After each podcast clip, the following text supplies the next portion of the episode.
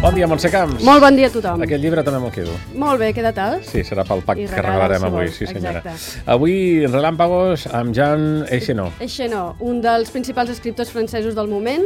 Amb aquests relàmpagos tanca una trilogia que ha dedicat a personatges històrics. La primera es va centrar en Ravel, la segona va aparèixer l'any passat, es deia Correr, es basava en la vida d'un corredor de fons txec, conegut com la locomotora humana, no sé si et Corria sona. molt. Sí, corria molt. Més que aquell Però- de la pel·lícula? Jo crec que sí, perquè va guanyar no sé quantes medalles. Vull dir O que... estem parlant del... Sí, aquell. D'acord, Forrest Gump. exacte.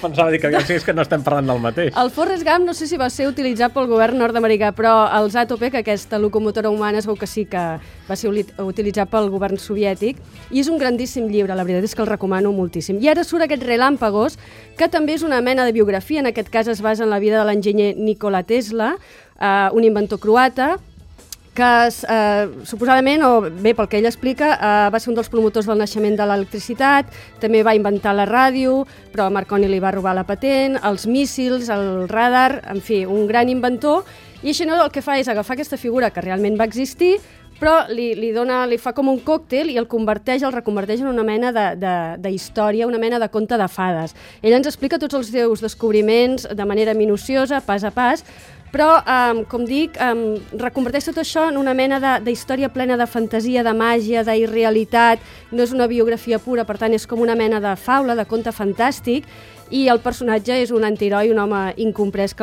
acaba la seva vida d'una manera una mica malament. I la moral seria... Si fas algun invent, patenta-la abans d'explicar-lo. Aquesta seria la moral més concreta sí. i l'altra és eh, llegiu relàmpagos perquè sempre val la pena llegir coses de grans, grans escriptors com aquest Eixenó. I participeu aquí als 5 minuts més d'ICAT FM, que amb una mica de sort ni us haureu de comprar el llibre.